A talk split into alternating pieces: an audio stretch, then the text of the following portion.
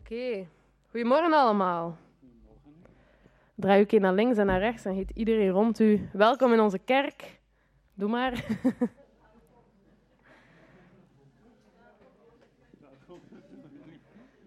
Ik hoop eh, dat iedereen die hier is zich welkom voelt. Ik zie nog veel lege stoelen. Ik denk dat er nog veel in een bed liggen. Vergeten zijn dat uurwissel is. Maar kijk, om 11 uur zullen we dan nog een keer iedereen welkom heten die dan binnenkomt. We hebben net een lied gezongen over het lam. En ik wil graag Openbaring 7, vers 9 tot een stukje verder voorlezen. Hierna zag ik dit, een onafzienbare, onafzienbare menigte, die niemand tellen kon, uit alle landen en volken, van elke stam en taal. In het wit gekleed en met palmtakken in hun hand stonden ze voor de troon en voor het lam. Luid riepen ze, de redding komt van onze God, die op de troon zit, en van het lam. Alle engelen stonden om de troon en de oudsten en de vier wezens heen.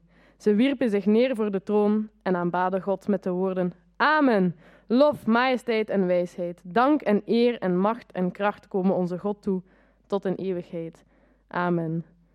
Ik heb al vaak deze tekst en gelijkaardigen voorgelezen, maar ik, ja, ik vind dat zo krachtig en zo een mooie toekomstbeeld om naar uit te kijken. En dat we deze dienst mogen openen met eer te geven aan het lam, de reden dat we hier allemaal samen kunnen zijn. We zullen vandaag een preek horen van Peter. Peter en Christine, welkom. Fijn jullie nog eens te kunnen verwelkomen in onze kerk. We zullen ook samen het avondmaal vieren. En we zullen ook met de kinderen, de weinigen die er zijn, een verhaal lezen. En we gaan daarmee beginnen. Dus de kinderen die nog niet helemaal vooraan zitten, hier zijn nog stoelen vrij, of op de grond, kom maar naar hier, Quinten ook. De vorige week, jullie hebben alle verhaaltjes niet meegevolgd, maar vorige week hebben wij gelezen thuis in dit boekje over Jezus de profeet. Maar Jezus is niet alleen profeet. Hij is ook koning. Daar zijn de discipelen blij mee. Ze hopen dat de Heer Jezus het volk van de Romeinen gaat bevrijden.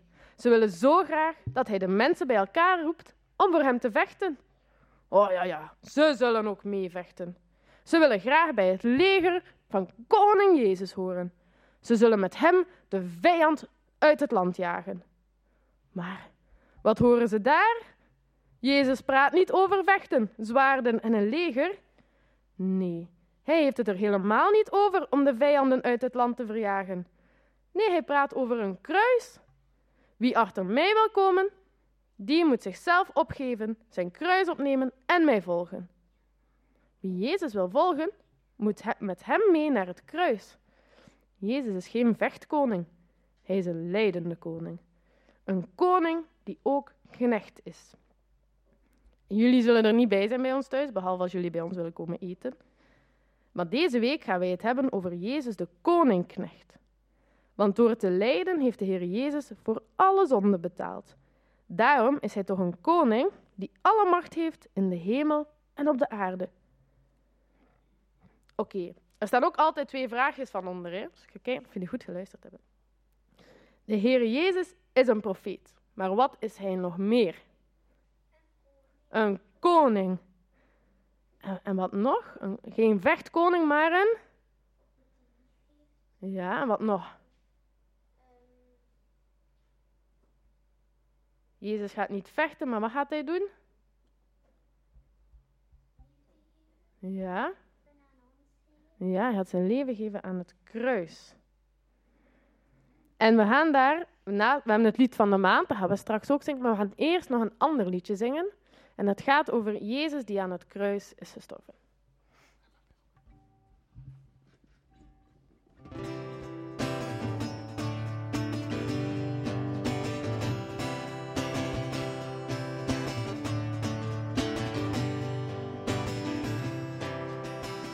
Lieve Heere Jezus, als ik eraan denk dat u voor mij stierf, wat een kostbaar geschenk.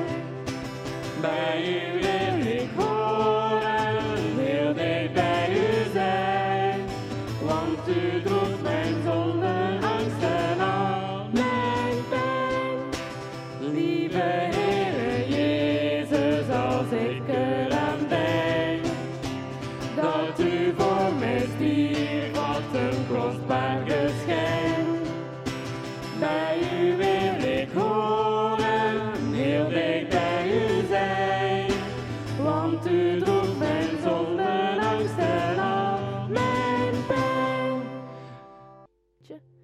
ik wil jullie goed horen, hè, als we Jezus. Zo heel luid.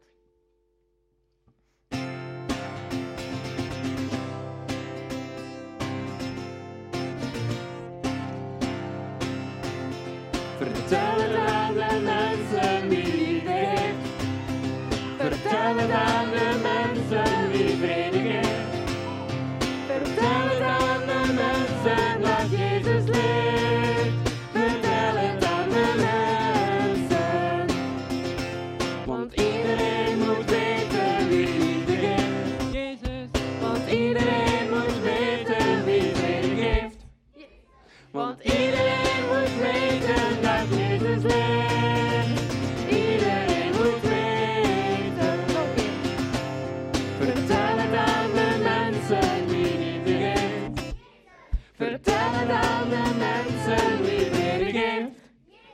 Vertel het aan de mensen dat Jezus leeft. Vertel het aan de mensen.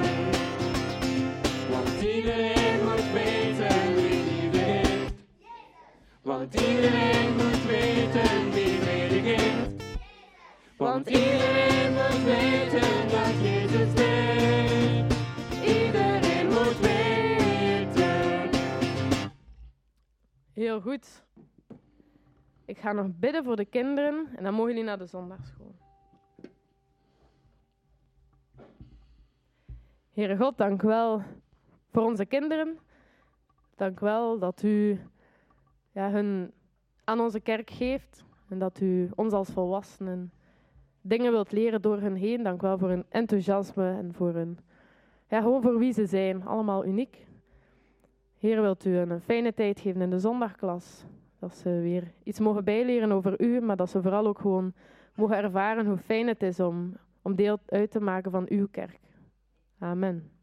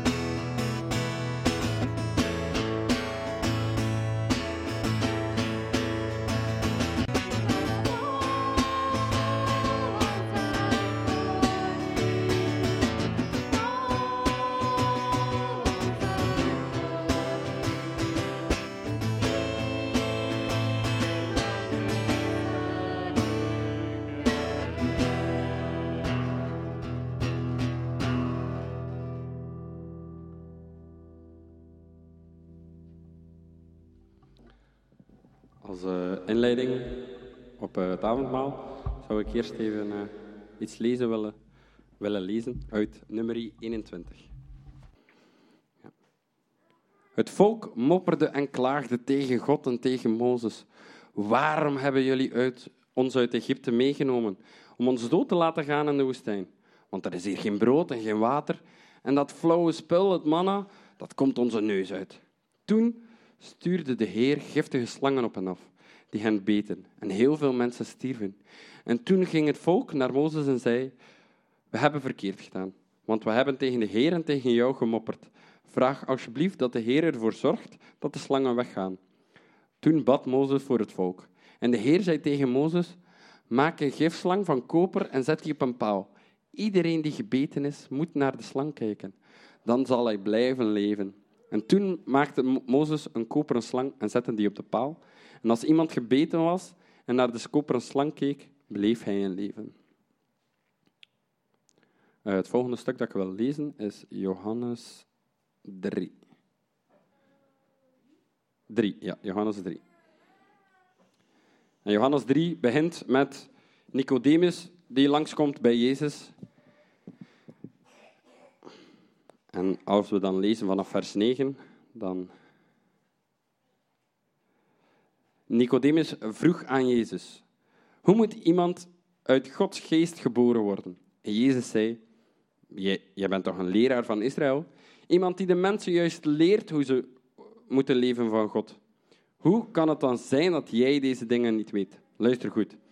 Wij spreken over wat wij weten en wij vertellen wat wij hebben gezien. Maar jullie geloven ons dan zelfs niet.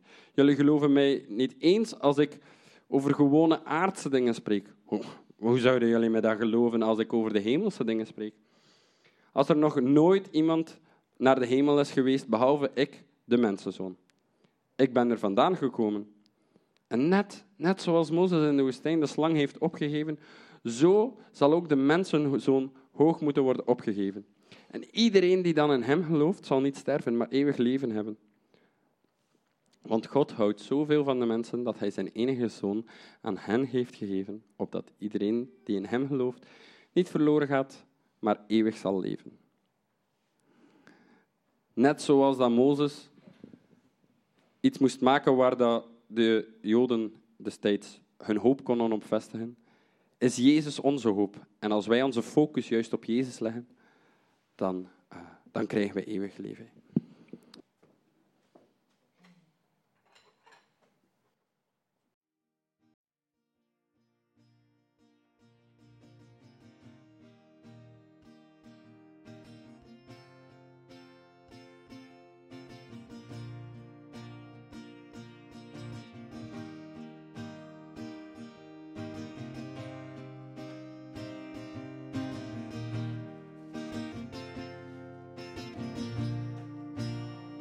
Laat ons uh, samen drinken.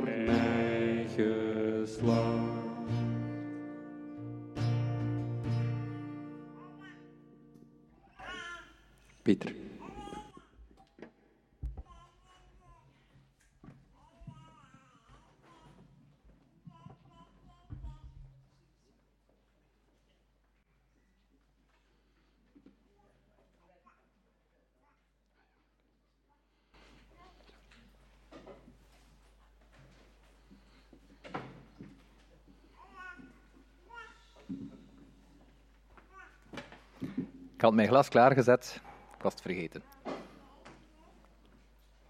Goedemorgen iedereen. Fijn om in jullie midden te zijn. Dat is lang geleden, hè?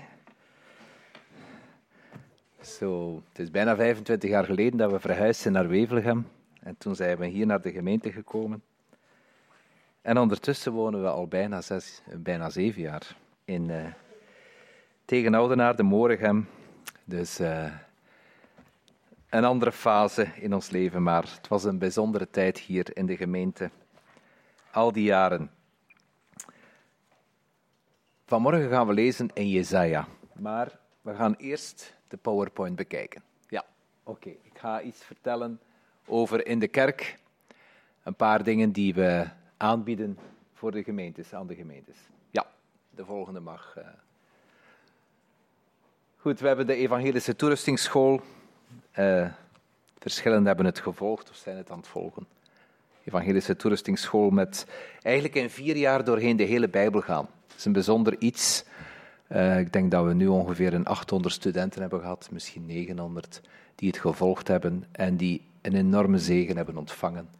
Doordat ze Gods woord leren kennen, doordat ze God zelf leren kennen en het grote kader zien, de verbanden, noem maar op, en werkelijk begrijpen wat de boodschap is van ieder Bijbelboek.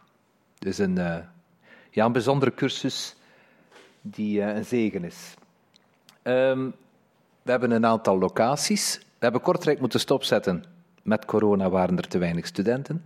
We hopen in september opnieuw te starten. We zullen zien hoeveel mensen zich inschrijven uh, voor de locaties. Goed, maar er is ook mogelijkheid om les te volgen via Zoom of zelfs een video te krijgen en zo de les uh, te volgen. Dat kan ook. Dus dat is allemaal mee. Mede door COVID uh, zijn we met Zoom gestart, zijn we met, uh, met video's gestart. Dus dat is ook weer een voordeel, ook in de post-coronatijd. Goed, we gaan de volgende nemen. Ja, nog even alle gegevens. Dus de flyers liggen wellicht nog in de gemeente. Er komen dan nieuwe voor volgend jaar. En dan de volgende. Goed, we hebben een aantal weekends die we aanbieden. Een aantal weekends die uh, doorgaan in Connect, waar wij wonen. Uh, in de kerk is een samenwerking tussen VEG, ECV, Vianova, vroeger BZ. En we bieden een aantal toerustingsweekends aan. Elk jaar een aantal. We hebben uh, het, vast, het uh, opvoedingsweekend, dat is de eerste die komt in april. Vaste weekend, dus bidden en vasten. Wat is dat? Hoe doe je dat? En we gaan het ook in de praktijk brengen. Nu, sommigen kunnen niet helemaal vasten, soms neemt men medicatie of kan men niet omwille van lichamelijke redenen. Dan kun je ook gewoon minimaal wat eten. Dat is allemaal naar gelang. Het gaat er niet om, om, om zo streng mogelijk te vasten, het gaat erom om de Heer te zoeken en met Hem samen te zijn. Een vaste weekend, 10 tot 12 juni. En dan een huwelijksweekend met Wout van Wijngaarden 1 tot 3 juli. Zeker ook de moeite om te komen en, en te leren van ja, wat, hoe heeft God het bedoeld, het huwelijk, en zo verder.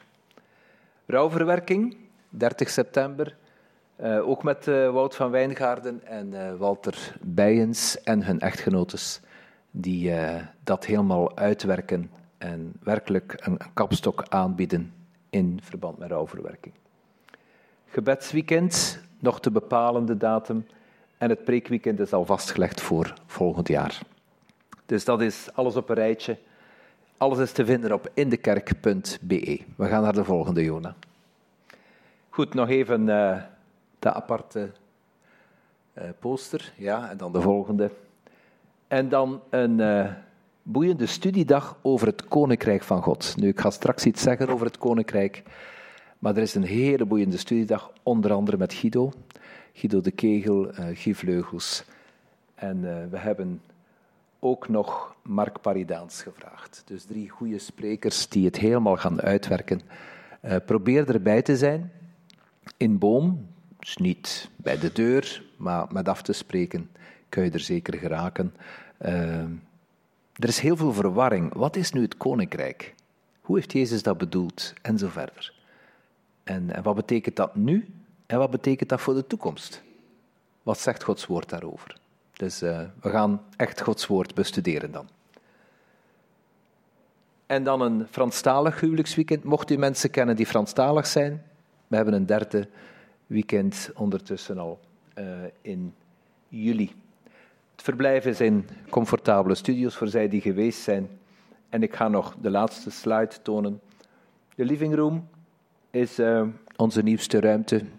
Verschillende weten dat we bezig waren met het bouwen van een extra ruimte voor de groepen, maar ook voor mensen die individueel komen om daar te zitten, een potje koffie te drinken, een boek te lezen, een babbel te hebben met iemand, een ontmoetingsmoment met anderen, uh, allerlei gebedsmomenten ook. Uh, dus een extra ruimte waar we heel dankbaar voor zijn, die echt zeer mooi is uitgevallen, uh, met een prachtig zicht op het groen.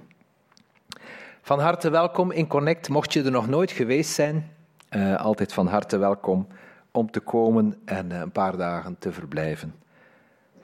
En mocht je de nieuwsbrief nog niet ontvangen, dan kun je die altijd aanvragen. Goed, we gaan uh, lezen. We gaan straks lezen Jesaja 53. Ik ga een klein beetje een inleiding geven over Jesaja.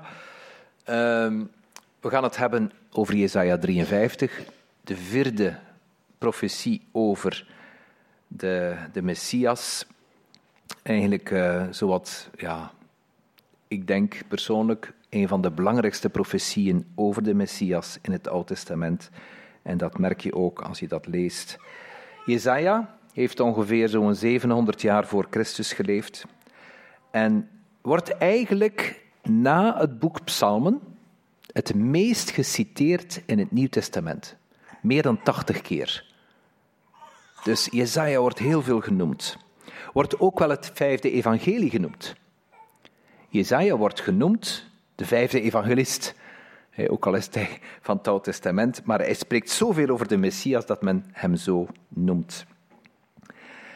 Um, Jezaja spreekt over de eerste komst van de Heer Jezus, maar ook over zijn tweede komst. Dus hij spreekt over de geboorte van de Heer Jezus, over zijn leven, wat hij allemaal doet. Onder andere zieken genezen, gaan we in ons gedeelte ook uh, lezen. Um, hij spreekt over de dood, de opstanding van de Heer Jezus, over zijn wederkomst en uiteindelijk over zijn vrederijk. Jesaja. Twee grote delen. Uh, men zegt wel een keer, uh, Jesaja is de Bijbel in het klein. Je hebt 66 hoofdstukken en je hebt 66 Bijbelboeken. 1 tot 39, beeld van het Oud, hè, is het Oud Testament, beeld van het Oud Testament, met de nadruk op het oordeel. En dan heb je vanaf hoofdstuk 40 tot 66, de 27 laatste boeken, of hoofdstukken, zijn de 27 boeken van het Nieuw Testament. Beschrijft de hoop. Jezaja geeft hoop en ja, we merken het Nieuw Testament geeft ons hoop. Die laatste 27 hoofdstukken spreken over de ballingschap in Babel, maar ook de terugkeer van de ballingen. En, en, en God gebruikt daar Kores. Een koning die geen christen was, die, die niet tot het volk van God behoorde. Of geen christen was, die niet tot het volk van God behoorde. Ja. En die hem niet kende. En toch gebruikt God hem om zijn plannen uit te voeren met dat volk van Israël. Soms ook zo in ons leven. God gebruikt soms mensen die Hem zelfs niet kennen, om zijn plannen uit te voeren in ons leven. En dan spreekt Jezaja ook in die laatste 27 hoofdstukken over de bevrijding van het volk, maar ook de bevrijding tegelijk van de mensheid en het toekomstig koninkrijk. Nu, je ziet de overgang in hoofdstuk 40, vers 1. Daar staat: Troost, troost, mijn volk, zal u God zeggen. Er staat twee keer troost. Er wordt nadruk gelegd op die troost, op die hoop die er is. Jezaja mag een boodschap brengen van hoop, herstel, verlossing, vergeving. Hij is de vijfde evangelist. Hij is werkelijk diegene die helemaal aansluit bij het Nieuw Testament. Wij mogen ook die boodschap van hoop brengen. Straks is Pasen. Mensen denken misschien nog even aan wat is Pasen precies. Velen weten het al niet meer. De betekenis van Pasen, dat Jezus gestorven is en opgestaan is. Maar wij mogen die boodschap brengen. Een boodschap van redding, verlossing, herstel, vergeving, eeuwig leven door de Heer Jezus. Jezaja. We gaan kijken. Jezaja 53. We gaan hem lezen. Dat gedeelte, die profetie, begint eigenlijk al in hoofdstuk 52. Ik heb het ook in de samenvatting gezet. Daar staan trouwens de, de vier profetieën over de Messias. En wij gaan de laatste lezen, of toch een gedeelte ervan. Hoofdstuk 53, vers 1 tot 7. Ik lees uit de hernieuwde statenvertaling. Wie heeft onze prediking geloofd? En aan wie is de arm van de Heere geopenbaard? Want hij is als een lood, als een takje op een wortel, opgeschoten voor zijn aangezicht, als een wortel uit dorre aarde. Gestalte of glorie had hij niet. Als wij hem aanzagen, was er geen gedaante dat wij hem begeerd zouden hebben. Hij was veracht, de onwaardigste onder de mensen, een man van smarten, bekend met ziekte. Hier staat het, hè? Ja. En als iemand voor wie men het gezicht verbergt, hij was veracht en we hebben hem niet geacht. En nu komt het, voorwaar onze ziekten heeft hij op zich genomen, ons leed heeft hij gedragen. Wij hielden hem echter voor een geplaagde, een door God geslagen en verdrukte. Maar hij is om onze overtredingen verwond, om onze ongerechtigheden verbrijzeld. De straf die ons de vrede aanbrengt, was op hem. Door zijn striemen is er voor ons genezing gekomen. Wij dwaalden allen als schapen. Wij keerden ons ieder naar zijn eigen weg. Maar de Heere heeft de ongerechtigheid van ons allen op hem doen neerkomen. Toen betaling geëist werd, in de NBV staat er, hij werd mishandeld. Dus blijkbaar is daar ja, wat moeite met de vertaling. Werd hij verdrukt. Maar hij deed zijn mond niet open. Als een lam werd hij ter slachting geleid. Als een schaap dat stom is voor zijn scheerders. Zo deed hij zijn mond niet open. Ik weet niet of je van de bergen houdt. Ik hou heel veel van de bergen. Prachtig.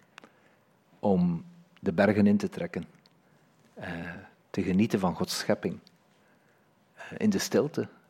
Uh, heel dikwijls ga je je neerzetten als je even rust, want je bent onder de indruk van de, de pracht van, van de grootsheid.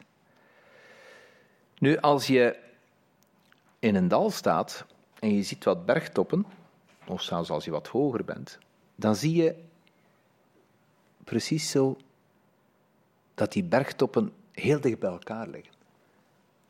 Als je er naartoe zou wandelen of erover zou vliegen, zou je merken dat daar een hele afstand tussen zit, heel dikwijls. Tussen die bergtoppen. Er zit een dal tussen. Het gaat helemaal terug naar beneden. En het is soms kilometers ver. Als je het lijkt allemaal heel dicht.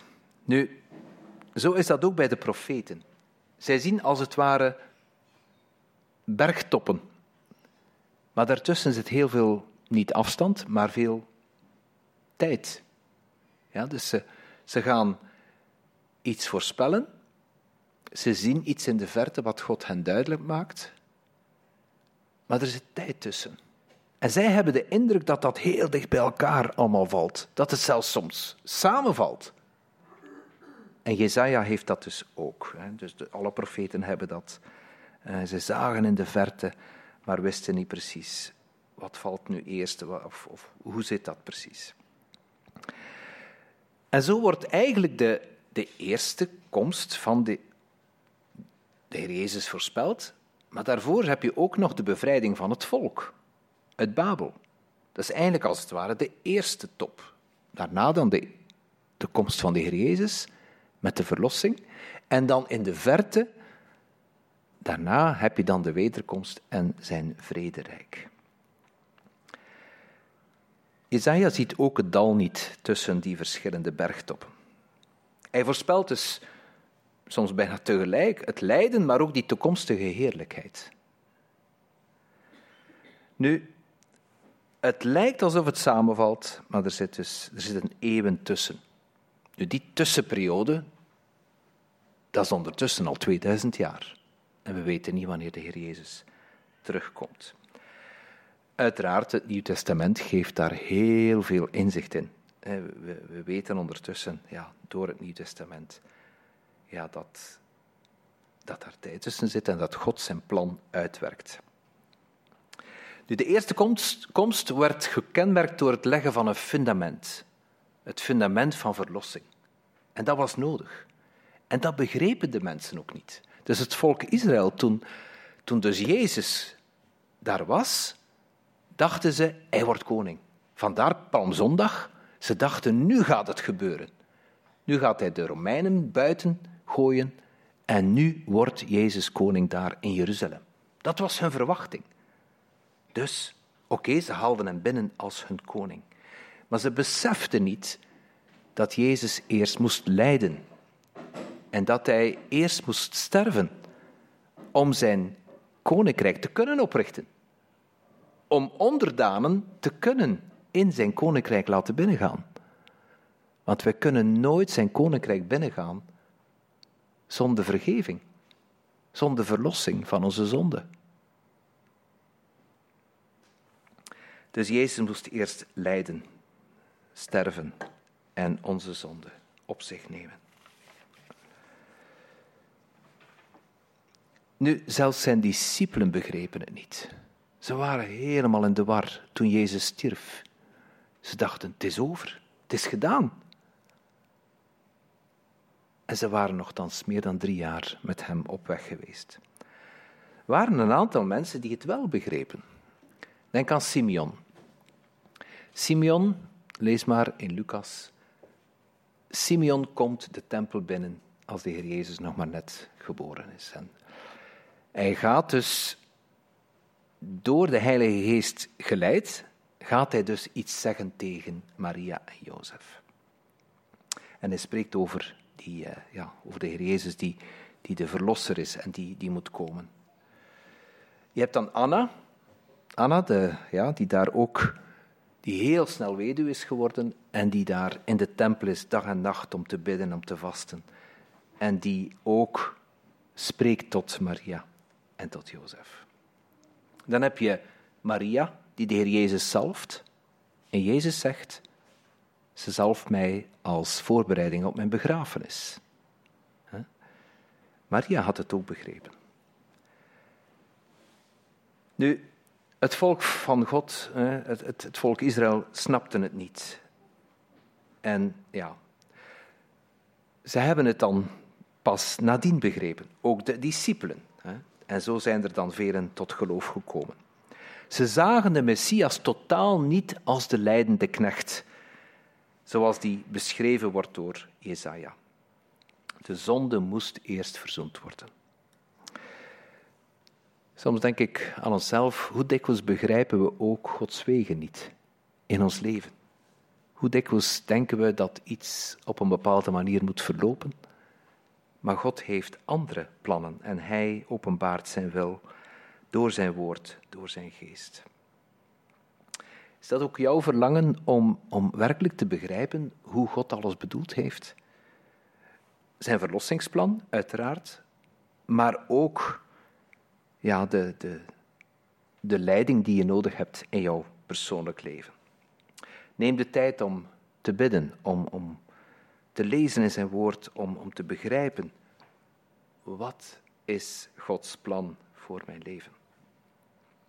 En dan mag je leiding ontvangen voor je persoonlijk leven, voor, voor je gezinsleven, voor je werk, voor de gemeente, noem maar op.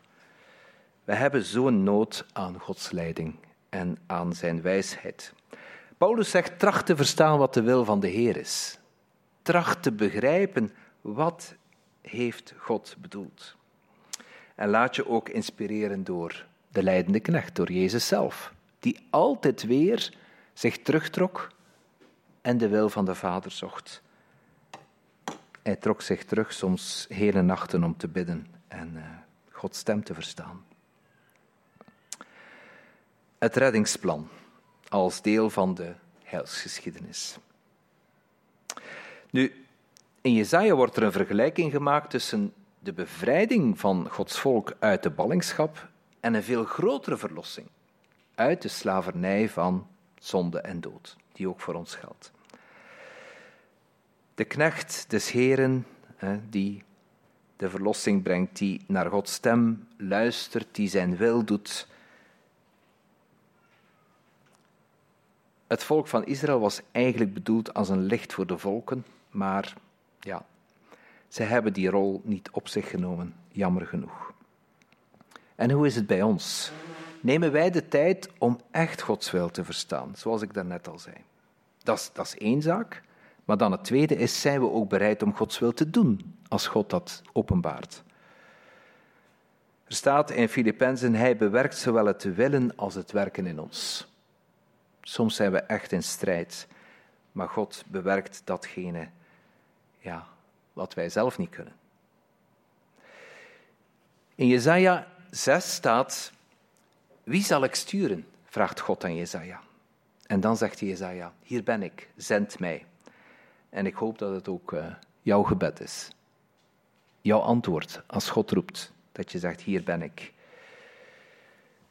God wil in onze levens werken. Weet je, heb je die uitspraak wel eens gehoord? God speelt geen enkele rol in mijn leven. Hij is de regisseur. Hij is degene die het regisseert. Hij is degene die alles stuurt. Hij mag niet een klein rolletje alleen hebben. Nee, hij is degene die alles in zijn handen heeft en alles aanstuurt. Goed, Jezaja. Um, de dienaar van de Heer, de Heer Jezus. Nu, het volk had moeite. Het volk had moeite om, om ook te, om te geloven wat, Jezus, wat uh, Jezaja zei. Laat ons kijken wat er staat. Hoofdstuk 53, wat we hebben gelezen, vers 1 en 2. Wie heeft onze prediking geloofd en aan wie is de arm van de Heere geopenbaard? Wie zal geloven wat hij nu gaat zeggen? Wie zal het ernstig nemen? En wie zal Gods kracht zien door deze profetie heen die hij gaat uitspreken? De vraag is, geloven wij wat God zegt in zijn woord? En zien wij Gods kracht en Gods werking in onze levens, maar ook in deze wereld? God is voortdurend aan het werk. En laat ons bidden dat we dat mogen onderscheiden. God is bezig. Dan vers 2. Wat staat er? Want hij is als een lood opgeschoten voor zijn aangezicht, als een wortel uit dorre aarde. In Jesaja 11 staat er dat de boomstam van Isaïe is omgehouwen. Nu, dat heeft hiermee te maken. Hij is als een lood opgeschoten. Is als een takje, hè, betekent dat, die vastzit aan een wortel. Is hij opgeschoten? Is hij toch weer beginnen groeien. Nu, die wortel, die boomstam van, van Israël is omgehouden, betekent dat eigenlijk ja, Isaïe, de vader van David, van koning David, het lijkt alsof de familie van David niet meer bestaat. Alsof die familieboom van David van, en Isaïe is afgehakt. Maar er blijft nog een stronk over. Onopvallend, onherkenbaar. En die stronk staat in, in dorre aarde, betekent, heeft te maken met het ongeloof van het volk van God. Maar uit die stronk zal dus een klein takje weer opschieten. Er zit toch nog leven in. En dat schiet wortel. En het gaat dus die plaats innemen van die afgehouwen stam. Nu, het gaat hier om de Messias die zal komen. Dat is de voorspelling. Dat is wat we hier lezen. Hij is als een lood opgeschoten voor zijn aangezicht, als een wortel uit dorre aarde. En dan staat erbij, vers 2, het tweede gedeelte, gestalte of glorie had hij niet. De Heer Jezus ja, was niet in een paleis geboren, was niet als een koning geboren, maar hij was wel de koning der koningen. Hij is geboren als een arm kind in een voerbak gelegd, heel broos, heel kwetsbaar. Hij moest beschermd worden voor Herodes, die de kinderen wilde gaan uitmoorden. En dus hebben Jozef en Maria moeten vluchten. Jezus was al heel snel een vluchteling. Als we denken aan alle vluchtelingen nu, Jezus kan meevoelen met hen. En Jezus ja, wil, wil ook in hun leven werken. En dan, dertig jaar later, ruim dertig jaar later, sterft hij een, een vernederende dood. Hij werd doorboord om onze zonden. Hij vernederde zich tot in de dood om ons te redden. Filippenzen 2. Uh, ehm, nu, zowel Jezus' geboorte als zijn sterven laten zien dat God zich als het ware heel klein heeft gemaakt, zich, ja, zich vernederd heeft om dicht bij de mensen te kunnen komen om zo uiteindelijk verlossing te bewerken. Gestalte of glorie had hij niet.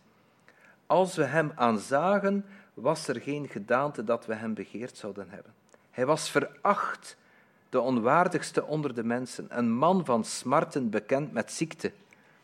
Als iemand voor wie men het gezicht verbergt. Hij was veracht en we hebben hem niet geacht. Bekende woorden van deze profetie. Nu, door zijn dood heeft hij uiteindelijk de overwinning behaald. Overwinning over de zonde, de dood en de duivel. Hij heeft, als we kijken, vers 3 en 4, we hebben dat gedeelte al gelezen, en dan staat er, onze ziekten heeft hij op zich genomen, ons leed heeft hij gedragen. Er werd neergekeken als het ware op die dienaar, die die zwakheid en ziekte had.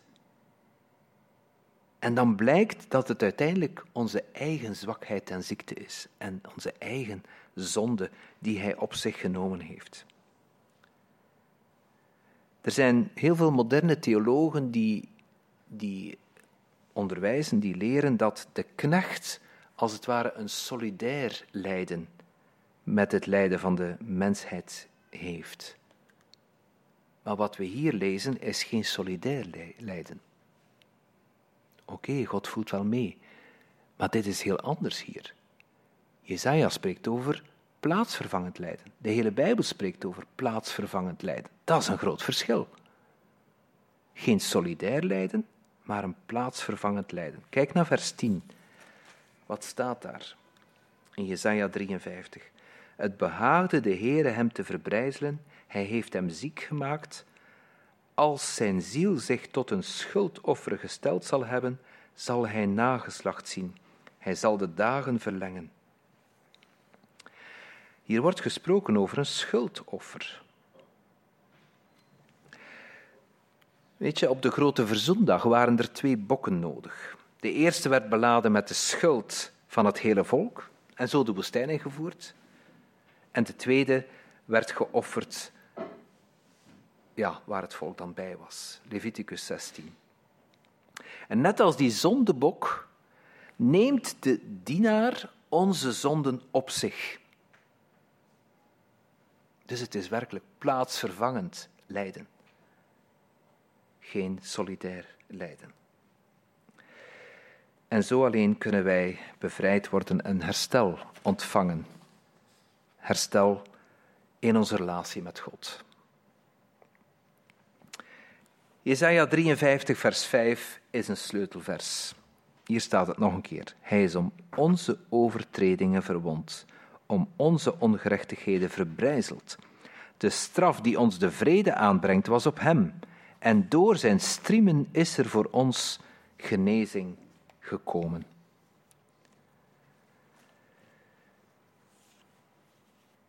Jesaja 53, vers 5 hier, dit vers spreekt heel duidelijk over dat plaatsvervangende.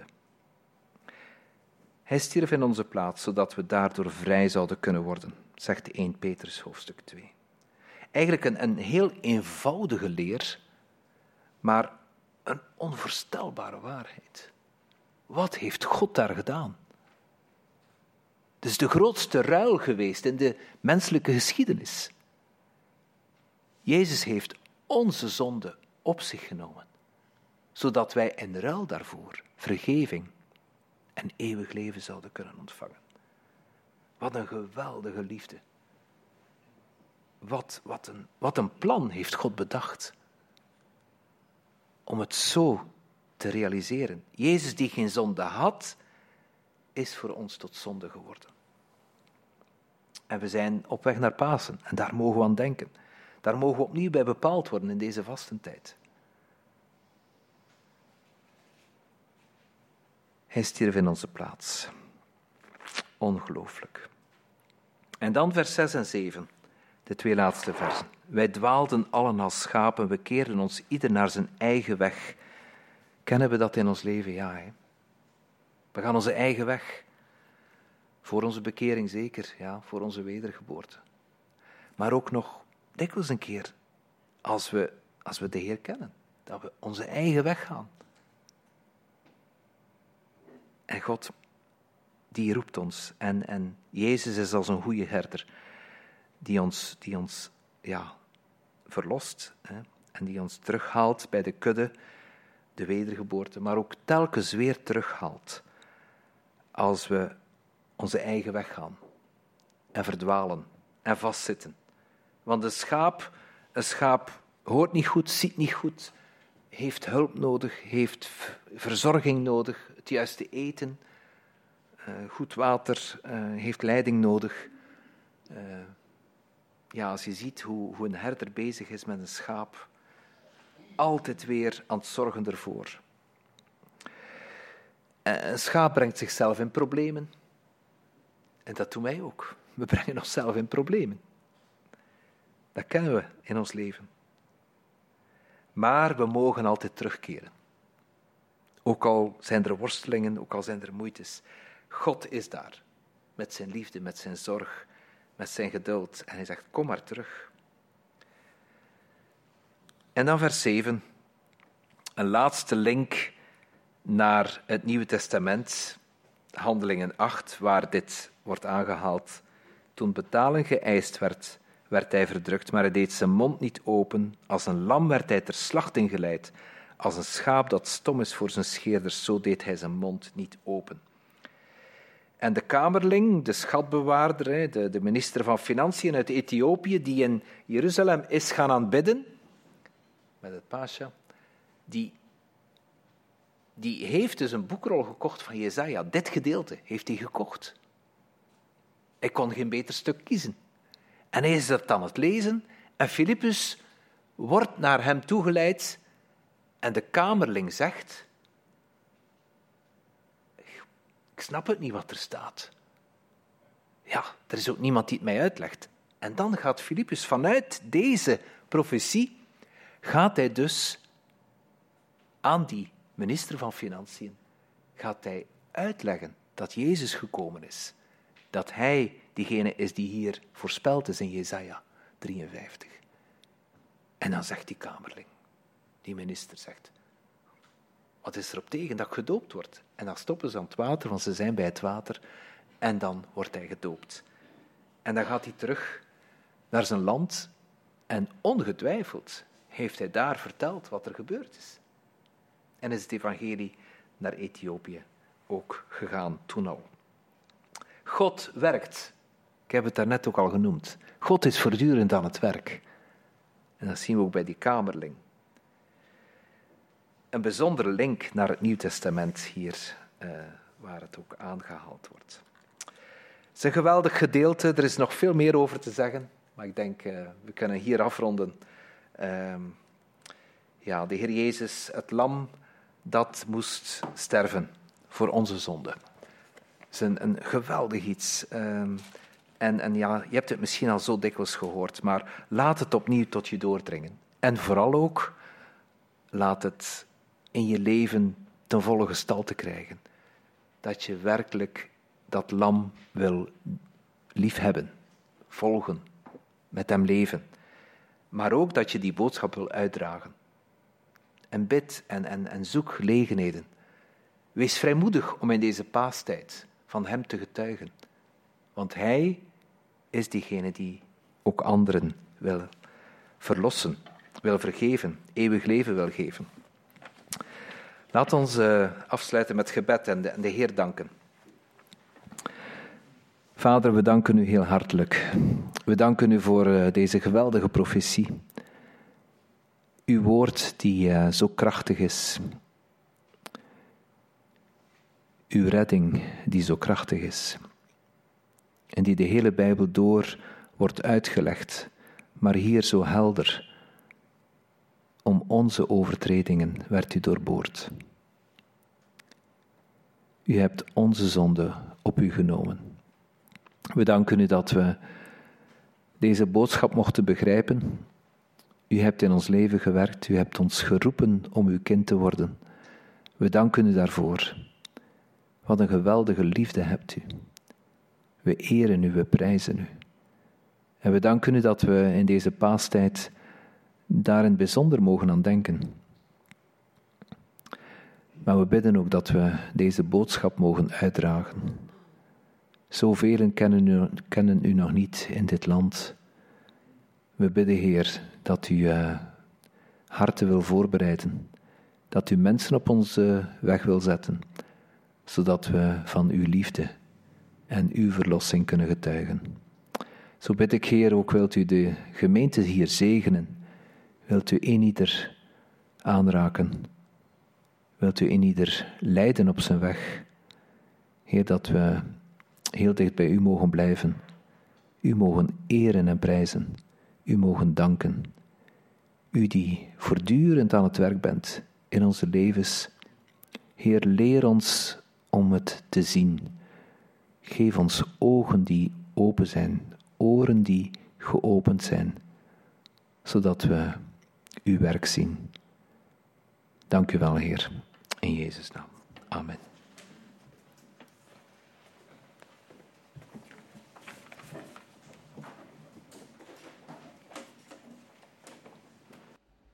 Ik heb. Uh...